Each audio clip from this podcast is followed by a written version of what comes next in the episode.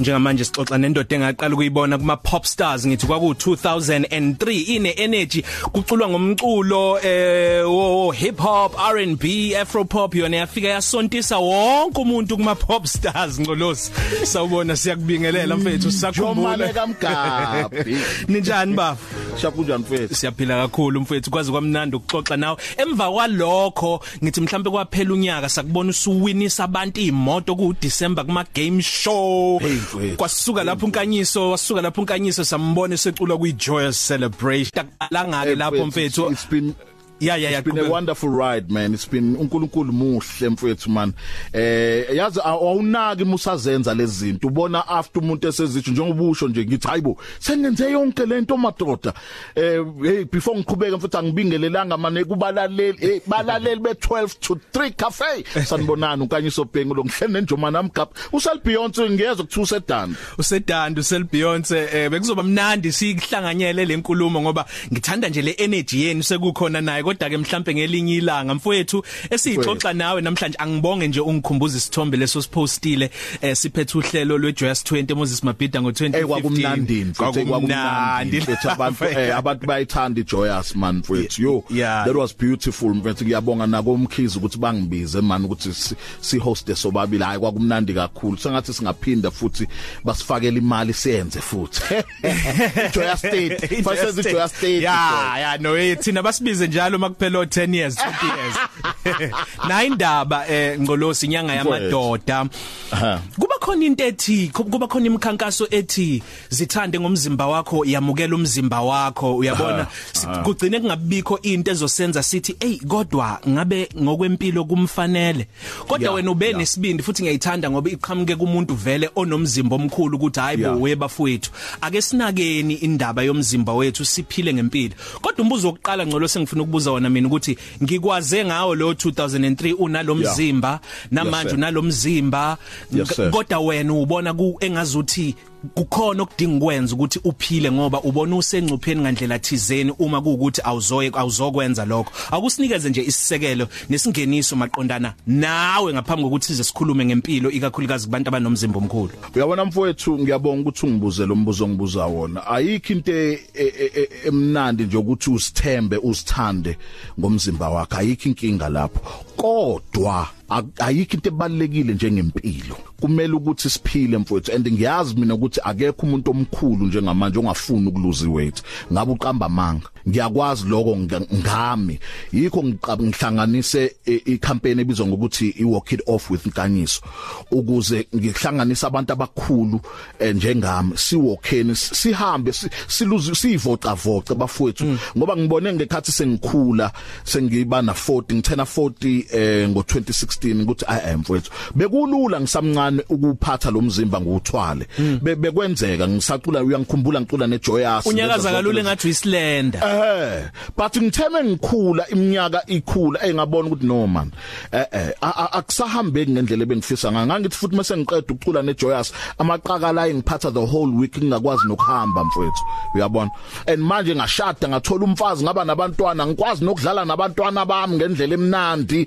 Ngiyasi ngiyahefuzela ngiyajuluka. Nanko angikwazi nokugqoka ngendlela engifuna ukugqoka ngayo. I- nje mfethu ngavele ngav- ngaba nama problems amaningi nenkinga eziningi ngalomzimba ngiyayithanda yes. Njoba ngimkhulu manje ngiyayithanda yes. Eh eh, eh, it's good. Kodwa ngiyafisa ukuthi njoba ngu 180 bani bani kgs ngibe u100 khona ngizokwazi ukugqoka kahle. Ngizoba nempilo emo. Mhlawumbe ngizoeda futhi neminyaka yami ngoba ngifuna ukuba ne diabetes sifo soshukela. Angifuni ukuphathwa inhliziyo. Ang- ngifuna mfethu ukuba agile ngibe lula nami ngikwazi ukwenza izinto engifuna ukuzenza emhlabeni. So kubalekile ukuthi mfethu njoba sibakhulu yes kumnandi ukuthi uyithande kodwa wa- zithande nangokuthi ufuthi ufake impilo more uwandisa impilo empilweni yakho sivoca voca sidle right sehlisa ama portions ethu. Angithi yazi ukuthi thina mesidla sivele sidle nje mudli rice no curry uvela udle nje ipapa udle noma kanjani? kanti mfethu fanele sehlise bese siyawoka sivoca voca ukuze siluze weight mfethu kubhlungu ukuba isidudla. Ngiyakutshela njengamanje i know the inkinga engidlula kuzona mengingedwa endlini mengenza izinto efanele ngizenze engingasakwazi ukuzenza kahle kubhlungu mfowethu. So ngicela ukukhala nje ebantwini bakithi ukuthi bafowethu asehliseni le weight kakhulu abantu besifazana abakhuluphele ngoba ama statistics athi 70% women are obese. Amadoda u39% bese kuba abantwana u14% so ngicela ukuthi i walk it off with kanye ngifuna mfethu ama sponsors azofaka imali. Ngifuna ukuhamba i South Africa yonke ngihlanganisa abantu abakhulu ngenza ama club kuyo konke amalokishi ukuze siwokheni sisizane ngoba sithina sazi ama challenges ethu nenkinga zethu esinazo. So ngifisa ukuthi kube njalo mfowethu. Sixoxa nonkanyiso Bhengu esimazi kakhulu kwi-entertainment uhlale kakhulu futhi kwi-Just Celebration ecula. Uthi unomkhankaso ke e, ethi wemadoda ke kujinyweni. Uma uyisidudla uyayazi inselelo obhekana nayo. Ukho khona sangakwenza uthi ke ufuna abazomlekelela kulokho ukuthi kuqwashiswe kufundiswe ke kushintsha indlela okudliwa ngayo ke sonke ngempilo. Siphile size sibone izizukulwane zethu. Ake sigwinya mathe ngobaba specs esinye isidudla ngcolosi uthi ugly. Nazo. Lalela bhuti ukhulume ngendaba yokudlala nezingane ukuthi kuyaba inselelo usheshe uhefuzele. Hey mfowethu. Hayibo mina ngilo muntu ke kodwa esithi sicabange sonke into Yeah. ilozo vela ayibuze. Kuthiwa iwavela ayibuza usiyalela ibuze siya ibuza. Ngisabi ngi- ngi- ngi- mfethu la ngizokhipha inhliziyo yami ngoba ibalekile le campaign kumina mfethu buza nje wena. ukudlala nomuntu enithandana naye noma nonkosikazi wakho kona. Kuyaba hayi kunzima mnganami.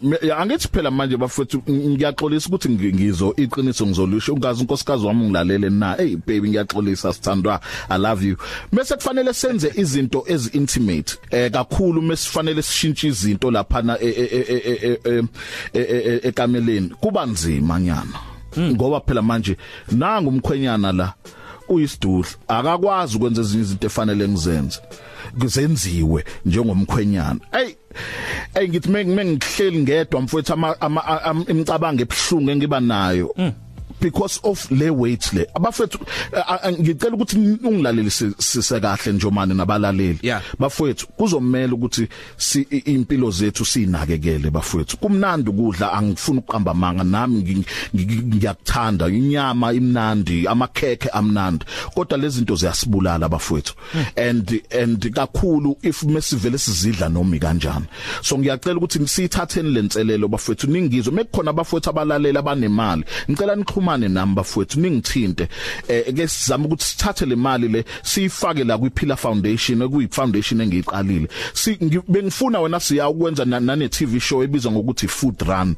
Ngifuna ukuhamba wonke amalokishi ngifundisa abantu bakithi ngokudla ukudla okright hayi ufanele ukuthi uzukhipha imali eningi uyokuthenga cha. Lokudla esikhule sikudla kodwa sikwenze ngendlela eright. Mhlawumbe ukuthi ufaka i- i-oil eningi u- uyehlisa i-oil ufaka into edi- e different mekuthi mhlawumbe i- u- u- u- u- udla kakhulu mhlawumbe iplate eligcwele wehlisa udla uhalf walelo plate. Ngifuna ukwenza leyo nto leyo all over the country. Mesingakwenzi lokhu siya sizosheshe sife i-country izosh sizoshona isikhathi singakafiki. Kunomunye othi inkanyisi ukhuluma kalula ungazi mina lento ubaba mkhulu wayeyisidudla wayekuphele ubaba wayenjalo nami Yes. njalo ufuzo noma kusegazini. Ungathina uyakwazi umuntu onjalo naye ukuphinde ashintshe anciphe. Mfethu into engiyaziyo mina ukuthi sonke si sikhuluphale ngeindlela engafani ngoba abantu abaningi bacabanga ukuthi umuntu okhuluphele mina ngiyazi ukuthi ngikhuluphaliswe yini. Ngikhuluphaliswe ukuthi ngidle kakhulu nganga exercise you understand? Omunye mhlawumbe ungathola ukuthi ku genetic omunye mhlawumbe unenkinga ye thyroid gland omunye unenkinga yokuthi umzimba ukhiqiza enough insulin. Uy- uyabona yikho ngithi mase ngilontsha le campaign lena ngosuku kuzobe kukhona odokotela kuzobe kukhona ama nurse azothatha ama ama medical history abantu nama medical checkups abantu aba check ukuthi wena yini i- inkinga yakho bayibona ukuthi mengase sifixe la abanye ama hormones mfethu awabalansile kahle ama hormones. That's why bekhuluphala. Ukukhuluphala ukuthi so it's very technical and so medical. Abantu bavele bacabanga ukuthi nje ukudla anithanda ukudla nina idudla kuphela. And i hate that because abantu abafuni ukucheck ukuthi ngempela yini ekwenza ukuthi wena ukhuluphale yini wena ekwenza ngoba sonke si asikhuluphali ngendlela efanayo. And abanye ku medical abanye ingoba vele ba amavila abanye bayithandela ukudla njengami. So ngifuna ukuthi kube khona wonke ama medical doctors azosiza ukuthi wena eyakho icase i different neyankanyiso. Wena indlela ofanele uluze ngayo wethu ukubalansisa ama hormones wena into ofanele uluze ngayo wethu ukudla kahle. Wena into ofanele uluze ngayo wethu fanele si boost i thyroid gland yakho. So ku different kuwo wonke umuntu. So ngiyamuzwa lo othi ku genetic uqinisile. But there is a way yokuthi angasizakala ngayo sekuya kungaphezulu kwami ke lapho sekuwo odokotela bangasiza ke kulezo zinto. Yikho ngithi mfethu i walk it off is not really about nje just walking bese sidla into ethile. No it's all about checking wonke umuntu ukuthi wena yini ekhozile ukuthi ube ngaka wena yini ekhozile and how do we find the solution according to you?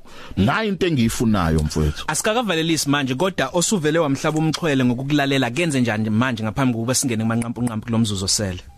Akafone akangifonele mfethu mina ngitholakala ku 0765730508 kuma social media ngunkanyiso nje @nkanyiso bhengu Instagram @nkanyiso bhengu Facebook ngunkanyiso bhengu ku Twitter ngu sengathi sekhona ungifonela kwamanje. Ku Twitter futhi ngu @nkanyiso bhengu ngicela nikhulume nami ningasabi bafethu. Asizameni ukuthi sihlanganeni bafethu. Sithole imali. I hope ama departments angilalele mfethu. Department of health eh department of social development eh nama pharmaceutical companies. Ngicela sihlanganeni bafethu sifake imali siza abantu bakithi. I know wena miyengikwenzayo nje mina ukuthi xivim vim vum wena hayi ufaka wonke amagiye. Sikhuluma ngomuntu okwazi kuyimarketa ke la unkanyiso bhengu sobuya ngcolosi isixoxe nawe kwamanje ke sithola indaba engamanqampu nqampu nangu Thumbeza. Eh ukumuza umseleku esebiza esebiza amakhosikazi akhe ngombhemu wembhemu. Kusho ukuthi kuyafana no umesho njalo indlela yokuthi eh babe love uh, sweetheart iyona ndlela cabanga. Wembhemu manje kuhamba kahle mbhemu vele phela lapho. Nami ngibuye ngizizwe kunkosikazi wami sengithi mfowethu. Lalela mfowethu.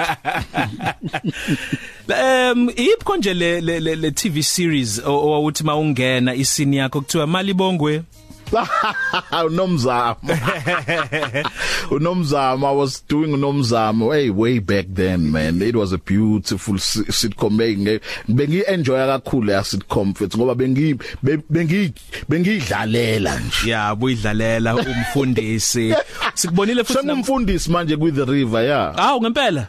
Yes sir ngikwi the river. Bayangibiza from time to time ngumfundisi ngithi kodwa liri iBible lami. Hey ngishaya ezinye izinto lapha ngeke ngakubona ngoba sike sakubona vele ungena kuma series soapies sitcoms amaningi ahlukahlukene. Ngeke ngabona emasontweni adlule i-tweet yakho la khona ukhuluma nomunye wama casters noma wo producer noma wo director ya ngangikwi trending SA ngathi ben interview ngenza imovie ebizwa ngo Love Lives Here. Uthi niyasicwasa thina abantu abayidudla anisifaka ukuthi sibe nama roles nama characters ezintweni zakamabona kude nakuma film ngabe baphendula abathini okokuqala?